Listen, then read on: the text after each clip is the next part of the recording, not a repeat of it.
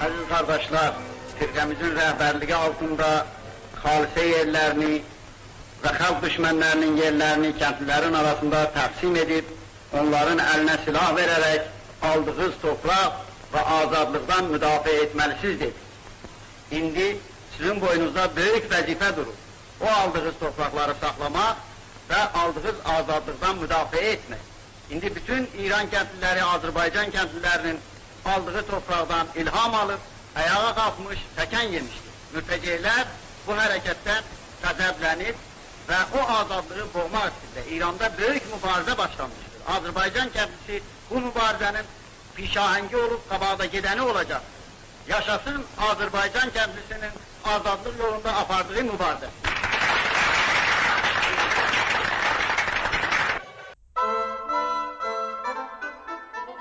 Salamlar, sayğılar, hörmətli dinləyicilərimizə.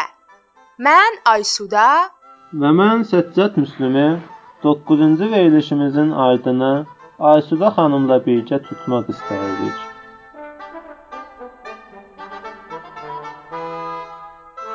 Verilişimizin ilk bölümündə Milli Hərəkətin tanınmış fəallarından olan Sayın Həsən Raşidi ilə firqa qonusunda danışığımız oldu.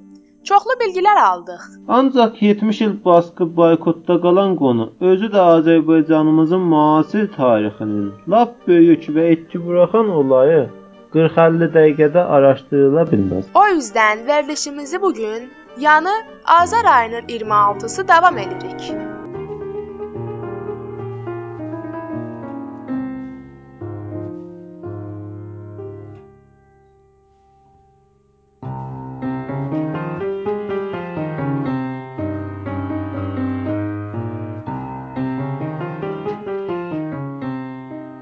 Cəllad, sənin qalaq-qalaq yandırdığın kitablar min kəmalın şöhrətidir, min ürəyin arzusu. Biz köçürük bu dünyadan, onlar qalır yadigar. Hər vərəqə nəqş olunmuş neçə insan duyğusu. Min kəmalın şöhrətidir, min ürəyin arzusu. Yandırdığın o kitablar alovlanır yaxşı bax.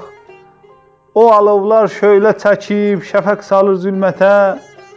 Şairlərin nəcib ruhu məzarından qalxaraq alqış deyir eşqi böyük bir qəhrəman millətə. O əlovlar şöylə çəkib şəfəq salır zülmətə. Cəllad, mənim dilimdədir bayatılar, qoşmalar. De onları heç duydumu sənin o daş ürəgin? Hər giraylı pərdəsində min ananın qəlbi var. Hər şikəstə övladıdır bir müqəddəs diləyin. De onlar heç duydumu sənin o daş ürəgin? Söylə, sənmi xor baxırsan mənim şeir dilimə? Qoca şərqin şöhrətidir Fuzulunun qəzəli. Sənmi türk xər deyirsən ulusuma elimə? Dahilərə süd vermişdir Azərbaycan gözəli. Qoca şərqin şöhrətidir Fuzulunun qəzəli. Cəllad, yanıb od olsa da külə dönməz arzular. Təbiətin ana qəlbi qul doğmamış insanı, hər ürəyin öz dünyası bir səadət arzular, qanlar ilə yazılmışdır hər azadlıq dastanı.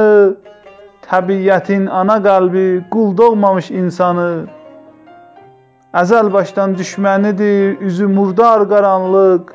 Hər torpağın öz eşqi var, hər millətin öz adı. Kainata dəyişmərəm şöhrətimi bir anlıq. Mənəm odlar ölkəsinin günəş donlu övladı. Hər torpağın öz eşqi var, hər millətin öz adı.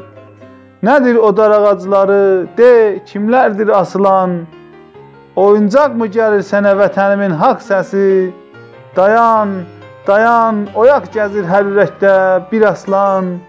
Boğazından yapışacaq onun qadir pəncəsi. Oyuncaq mı gəlir sənə vətənimin haqq səsi? Cəllad sənmi? De, qırırsan fədailər nəslini. Millətimin saf qanıdır qurd kimi içdiyin qan. Zaman gəlir, mən duyuram onun ayaq səsini. Şəhidlərin qiyam ruhu yapışacaq yaxandan. Millətimin saf qanıdır qurd kimi içdiyin qan. Bir varaqla tarixləri, utan mənim qarşımda.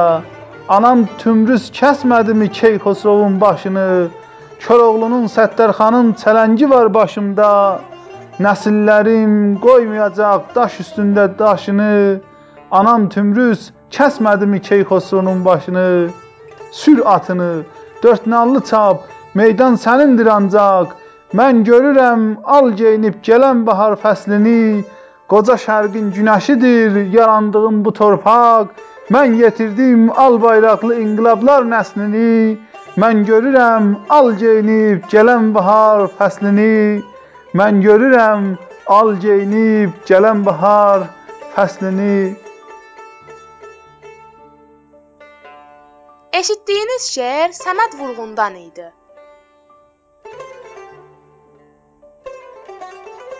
Ay Suda xanım, Demokrat firqəsi iş üstünə gələndə hələ nə Andrejit Şurəvdən qayıtmışdı, nə də Cəlal. Hələ Xruşçov Stalin dəhşətindən öz şok edici raporunu üzə çıxartmamışdı. Hələ Berlin divarı tikilməyib, boyatmamışdı. Hələ də yoldaş Stalinin Batını faşizm caynaqlarından qurtaracağı dəmir qərarlığının teologik yönü gözlər önündə idi. Bəli, və qısqandırıcı şükran hissi yaradırdı. Hələ bunlardan artıq dəmir divarın o tayında olan Aleksandr Soljenitsin var olan sosializmi və Gülag adaları diş dünyanın gözləri önündə sərgiləməmişdi. Hələ Foucault-dan Sartre-ə və Derrida-dan Baudrillard'a-dək hamı solçu idi və Fransənin ən böyük düşünərlərindən oluşan sosialist və vəhşət qrupu şoravi siyasətlərindən mütənəffir olmamışdı. Beləncə hələlər çoxdur. Ancaq bu hələləri deməkdən qəsdimiz vardı. İstirik deyək ki, bu pəhləviçilər, şahçılar, pişəvəri və firqəni sol cibhəsinə ilgiləndirməklə onu tapdalamaq istəyirdilər.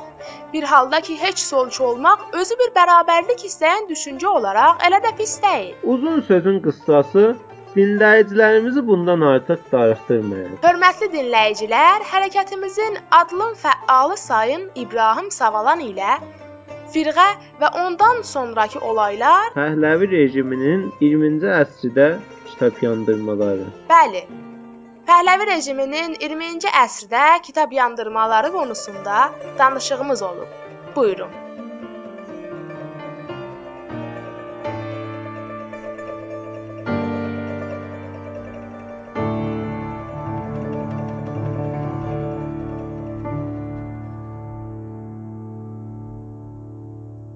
Sayın İbrahim Rəşidi bizim sorğularımızı cavablamaq üçün sağ olun.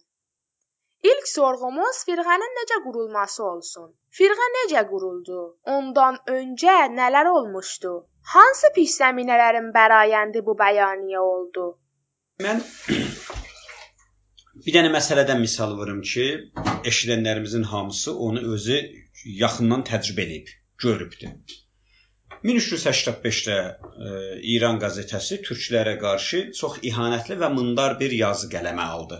Və orada bir karikaturda türkləri təhqir etdilər. Bu ihanətə qarşı bir çox e, universitetlərin öyrənciləri və 30-a yaxın şəhərlər etiraza çıxdılar. Bu dediyim cümlə e, doğru olsa da, həqiqətin necə baş verdiyini yansıda bilmir bir ihanətə qarşı insanlar etiraz edəcəklərsə, ondan qabaq olan ihanətlər və tohinlərə qarşı niyə etiraz baş tutmamışdı? Məsələ burdadır. 85-dən qabaqçı illərdə biz illər sürəsində Azərbaycanın bir çox şəhərlərində və universitetlərində çalışmalara şahid olmuşduq. Öyrənci səl dərcilər çıxırdı, Babək qalası toplantıları olmuşdu, Səttarxan mərasimləri olmuşdu və bir çox çalışmalar, konsertlər və şeir dərnəkləri və mədəni işlərin nəticəsində Azərbaycanda bu zəmin yaranmışdı ki, Azərbaycana və türklərə qarşı bir tohin edilsəydi, ona etiraz e, edə bilsinlər. Bir halda ki 10 il on, ondan öncə bu tohinlər olsaydı, biz bu etiraza şahid olmazdıq. Ona görə 1324-də yaralanan milli hökumətə də Bu qədər yüngül baxmamalıyıq ki, məsələn 1324-də Mir Cəfər Peşəvəri İran məclisindən ixrac edildi. Oradan geri qayıtdı, gəldi və Şəhrivərin 12-sində orada bir e, demokrat firqəsinin e, yenidən bərpa edilməsinin bəyaniyəsini yaydı və insanlar hər tərəfdən axıb gəlib onun başına toplandı. Bu bu qədər sadə ola bilməzdi. Bir çox partilər bəyaniyyə veriblər. Amma onların başına bu rahatlıya insanlar toplanmayıb. İranda paniranist partilər 70-80 illik partilərdir, amma üzvlərinin tədadı 20 nəfərdən artıq deyil. Ola bilməz ki, bir parti bu günlərə çağırış versin və bir neçə günün içində onun başına insanlar toplansın qazetəsi çıxsın, 3 ay müddətində milli məclis qura bilsin, bütün şəhərlərdə seçkilər yola bil yola salsın və hökumət qurmaq həddində irəli gedə bilsin. Bu fəqət bu açıdan analiz ola bilər ki, ondan öncə Azərbaycanda bu düşüncəyə və Azərbaycana İranda İranın siyasətləri tərəfindən olan zülmə bir zəmin yaranmışmış. Bütün yazıçılar istisnasız Azərbaycana Rzaxan dövründə olan və türklərə Rzaxan dövründə olan e, təhqirin və zülmün və basqının nə dərəcədə ağır olduğunu qeyd ediblər. Bu bir. Yəni 1324-də baş verən hökumət bir cür Rzaxan dövründə türklərə və Azərbaycana olan e, basqıların əks nəticəsidir.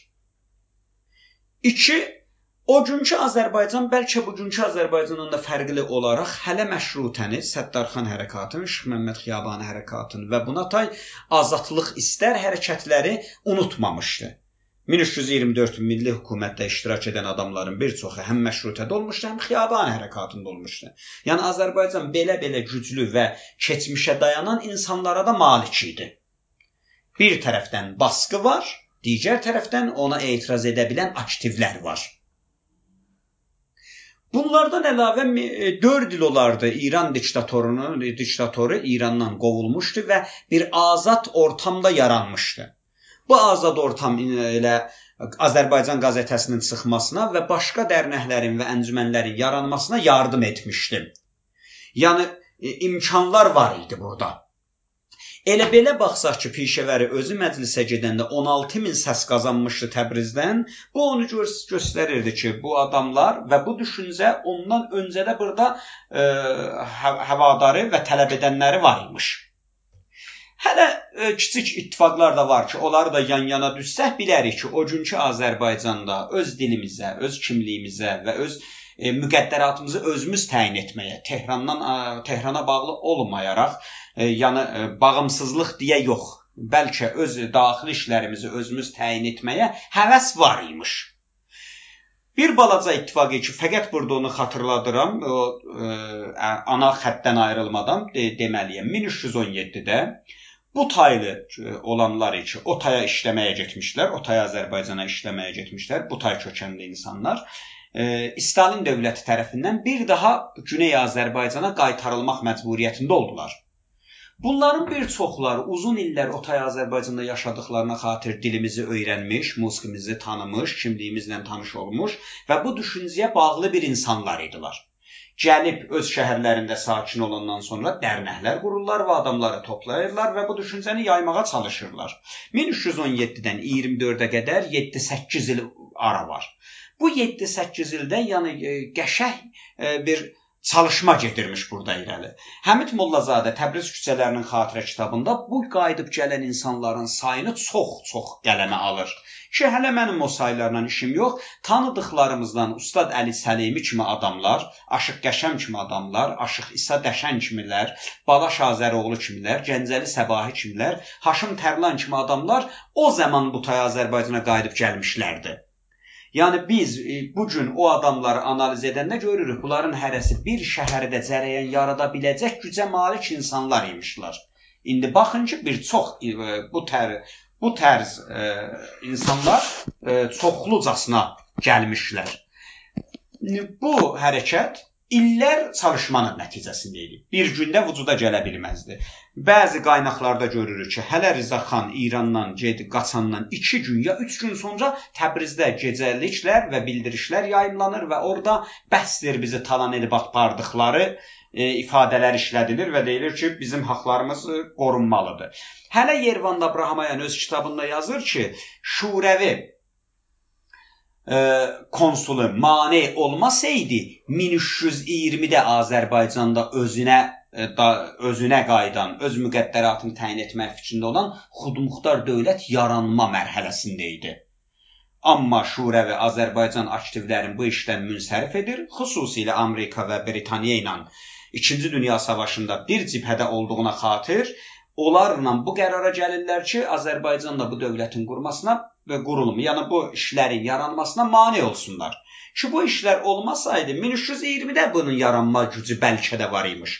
Amma 1320-də yaranmayanda 1324-ə qədər bu 4 ilində diktatorun qovulması etkisindən, azad fəzasından faydalanaraq 1324-25 ərəfələrində Azərbaycanda bir güclü ortam var imiş və bunun nəticəsində bir sıra siyasi adamların tərəfindən verilən təklif xalqın tərəfindən dəstəklənilir və Azərbaycan Demokrat Firqəsi qurulur.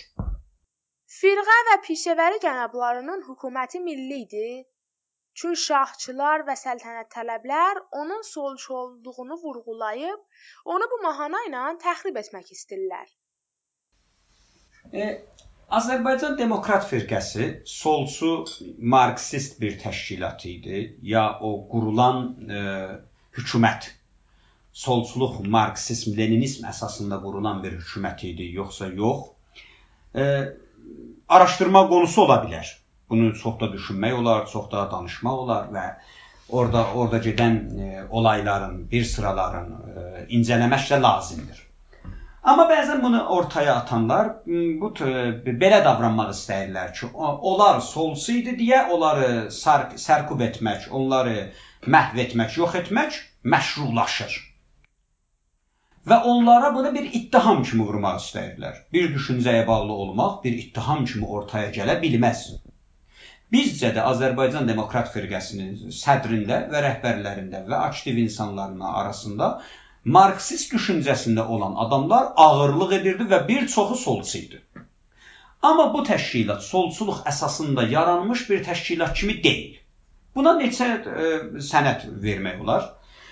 Birincisi budur, elə həmən zaman Azərbaycanda İran Tudəp hizbi aktiv idi. İranda marksist, leninist hizb deyən bir təşkilat o idi. Bu solçuluq əsasında qurulsaydı, bunun yenidən, e, yəni bir başqa e, marksist hizb ola ola başqa bir marksist hizbin yaranmasına e, nədən görülmür? Yəni o adamlar gedib o partiyə qatıla bilərdilər. Bir başqa partinin ortaya qoymağına ehtiyac duyulmurdu. Pişəvəri özü də gedib o partinin üzvü ola bilərdi və Pişəvəri özü o partinin hətta qurucularından da birisi ola bilərdi. Amma bildiyimizə görə, bildiklərimizə görə Pişəvəri özü 1309-da, yəni e, Demokrat firqəsi yaranmadan 15 il öncə Bəhmən ayında yazdığı bilgilərdə deyir ki, İran sənəti bir ölkə deyil. Orada fabrikalar yoxdur, orada işçi təbəqəsi yoxdur. İşçi təbəqəsi olmayan bir yerdə işçilik və təbəqat əsasında mübarizə aparmaq mümkün deyil. Burada mübarizə milli olmalıdır və biz xalqın bütün kəsimlərini, işçi təbəqələrini, kəndlisini, şəhərlisini və hamısını bir ideologiya, bir düşüncə və bir e, məqsəd əsasında bir yerə toplayıb mübarizəyə girməliyik. Hələ bunu 15 il demokrat firqəsi yaranmadan öncə deyir. Demokrat firqəsindən 2 il öncə Ajir qəzetəsində yazan Mirzəcəfər Peşəvəri Ajirin 167-ci 167, 89 və 170-ci saylarında Hezb Dorostu hesabı kodaməst, yəni düzgün, doğru, doğru düzgün parti nədir deyə bir məqalələr qələmə alır.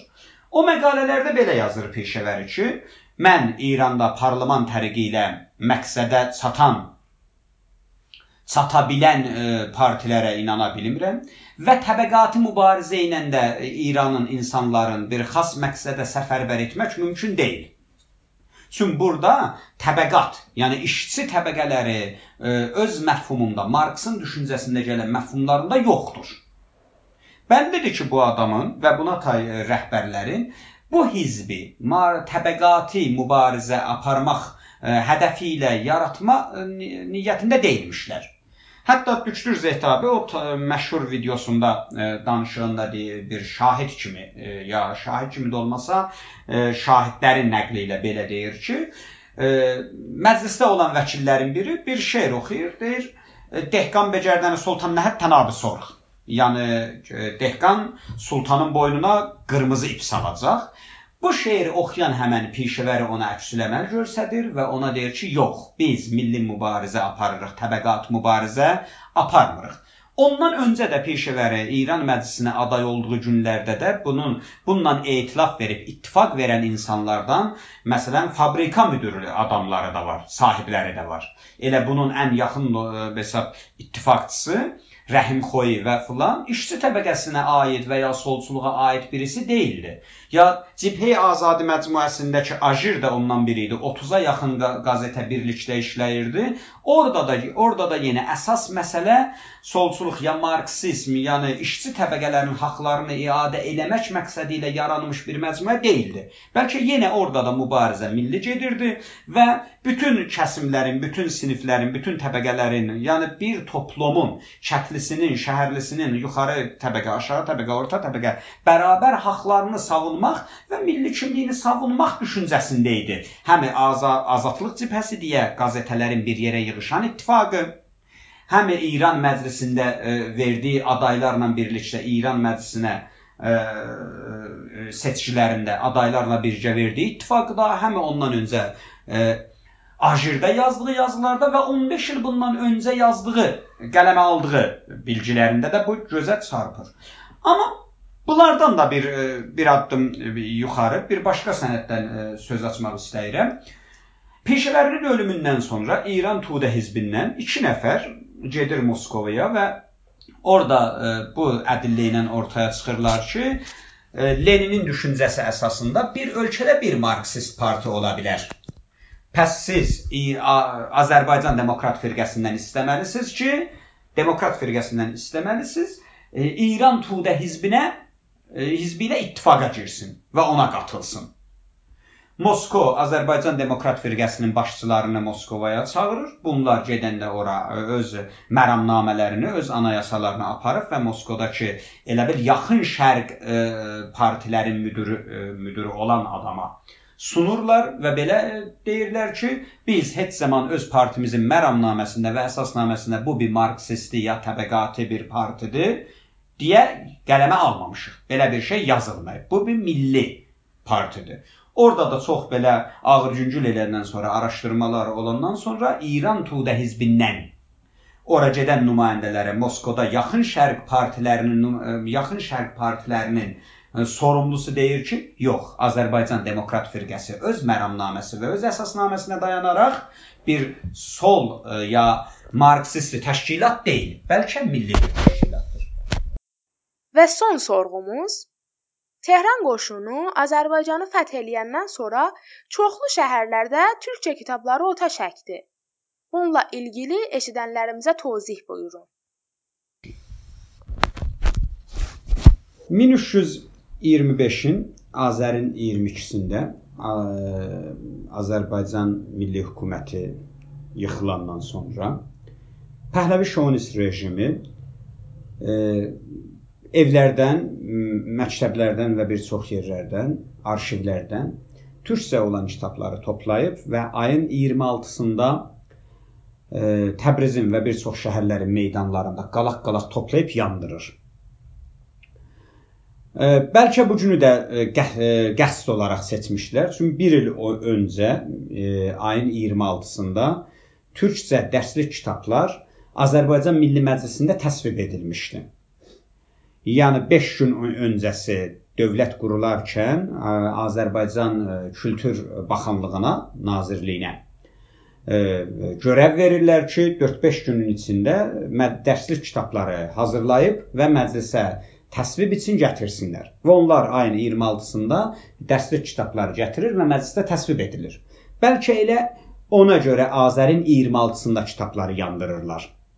Və bizlər e, bu gün Azərin 26-sını Azərbaycanda Kitab Günü adı ilə tanıyırıq. Çünki 1324-ün Azərin 26-sında bizim öz dilimizdə olan dərslik kitablarımız Azərbaycan Milli Məclisində təsvib edilibdir. Bu bizə çox xoş bir gündür və 1325-in Azərin 26-sında elə həmən gün kitablarımız şəhərlərin meydanlarında yandırılır. E, yəni bu gün də elə Azərin 21-i kimi e, həm kədərli gün, həm şənlik, şənliklə dolu bir gündür. E, Pəhləvi rejimi o o fürsətdən faydalandı. Təkcə o bir ilin içində çap olunmuş dərslik kitabları yandırmadı. Bir çox kitabları, türkcə olan bir çox kitabları yandırıb yox etmək istədi.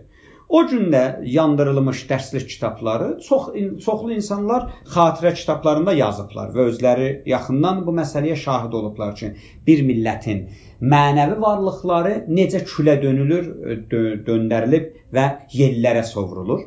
Bu insanlıq haqqında bir cinayətdir. Bu bəşər haqqında bir cinayətdir. Sadəcə bir xalqın mənəvi varlıqları yox, bəlkə bəşəriyyət yaddaşını silməkdir.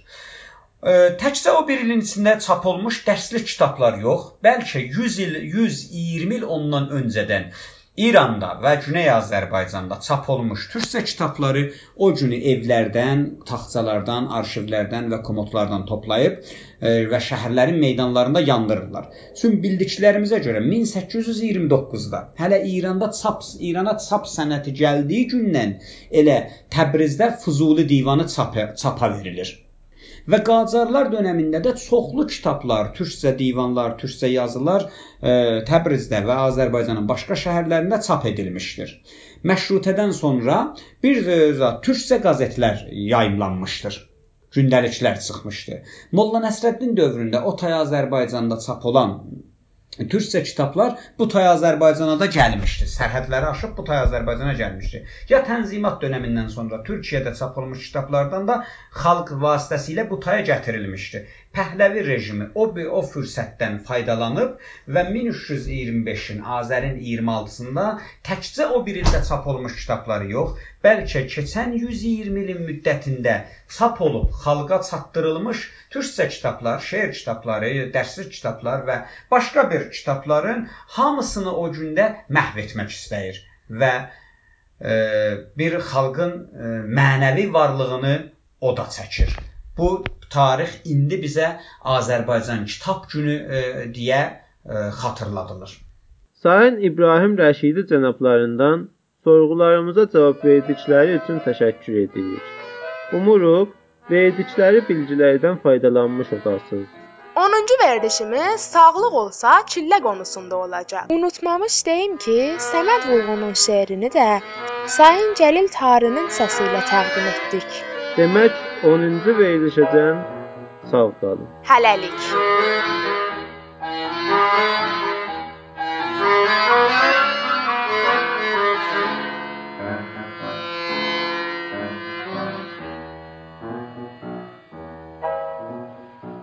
Azərbaycan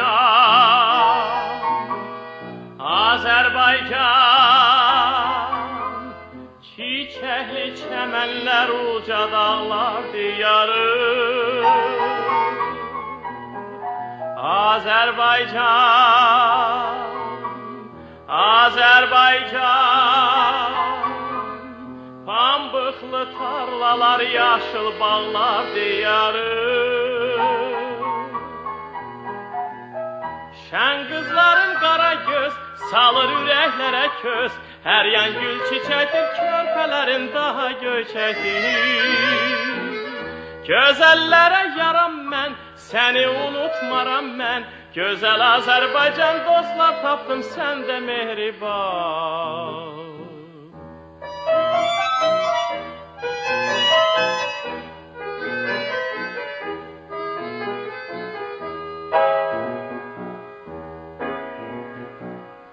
Qonaq gəldim sənə mən, vuruldum hüsnünə mən. Gözəl Azərbaycan dostlar tapdım səndə mehriban. Uca buruqların var, düzülüb qatar-qatar.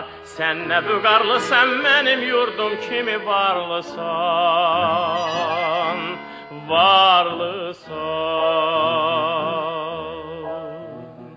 Azərbaycan Azərbaycan